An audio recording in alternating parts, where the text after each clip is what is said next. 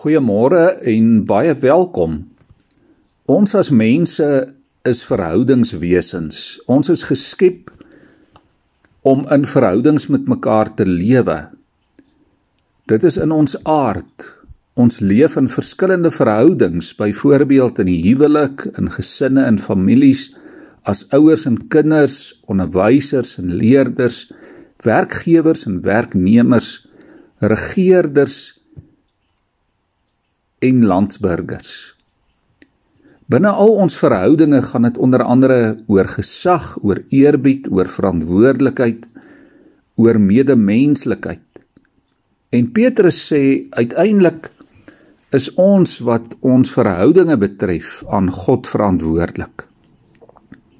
In ons optrede van elke dag moet selfsug en eie belang plek maak vir opregte omgee vir mekaar ter wille van Christus. Ongelukkig is dit juis ook in verhoudings waar ons die maklikste seer kry.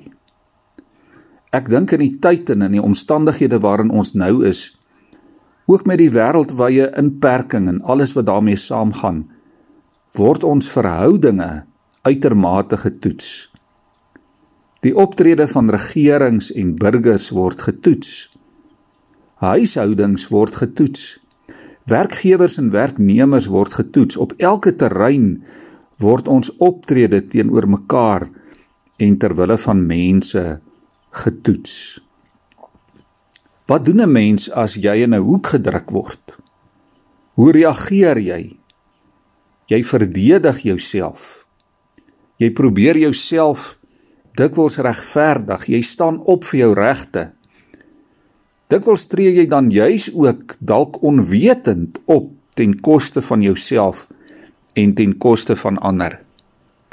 Soms, liewe vriende, is dit goed om ter wille van jou getuienis jou regte prys te gee. Petrus sê dit so duidelik. Hy sê: "Wees 'n slaaf van Christus. Doen die wil van God. Leef vir die Here en nie vir mense nie." Hy sê dit gaan oor die vraag: Wie of wat motiveer jou vandag in hierdie tyd waarin jy leef? As jou en my motivering afhang van mense, gaan ons baie beslis iewers teleurgestel word. Ons gaan baie dikwels voel ons word onregverdig behandel. Hoor wat lees ons vanmôre hier in 1 Petrus 2 vers 25. Hy sê: "Julle het so skape rondgedwaal Maar nou het julle teruggekom na die herder en die bewaker van julle lewe. Kom ek herhaal dit weer.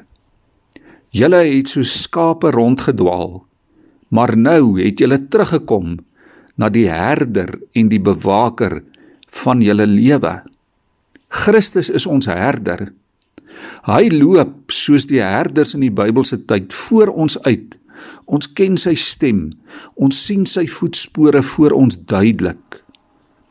As jy in sy voetspore loop, is jy by die herder. Jy's by die bewaker van jou lewe.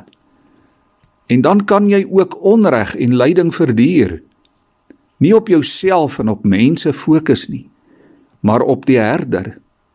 Vers 21 sê: Juis hiervoor is julle ook geroep omdat Christus self vir julle gelei en so vir julle 'n voorbeeld gestel het sodat julle in sy voetspore kan volg. Voel jy soms die lewe in die wêreld is onregverdig? Dalk voel jy vandag so. Dalk word jy onregverdig behandel. Dalk word jy benadeel deur mense of omstandighede.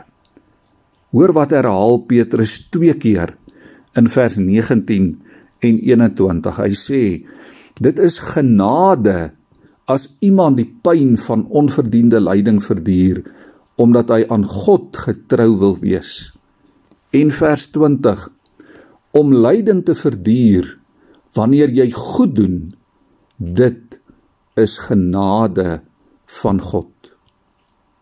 As ek dit mooi hoor, dan sê hy daar is genade in lyding ook in sogenaamde onverdiende lyding in onregverdige swaar kry mag die Here ons help om dit mooi te verstaan Ons bid saam. Here, vanmôre kan ons weet dat ons 'n herder het. Iemand wat op so 'n manier by ons en vir ons en saam met ons is dat ons niks kort kom nie. 'n Herder wat ons beskerm en bewaak al gebeur wat ook al. Die pad wat ons saam met U kan stap, is nie 'n pad net vir vandag of vir môre nie. Dis 'n ewige pad. Dankie Here vir u voorbeeld. Dankie vir genade. Amen.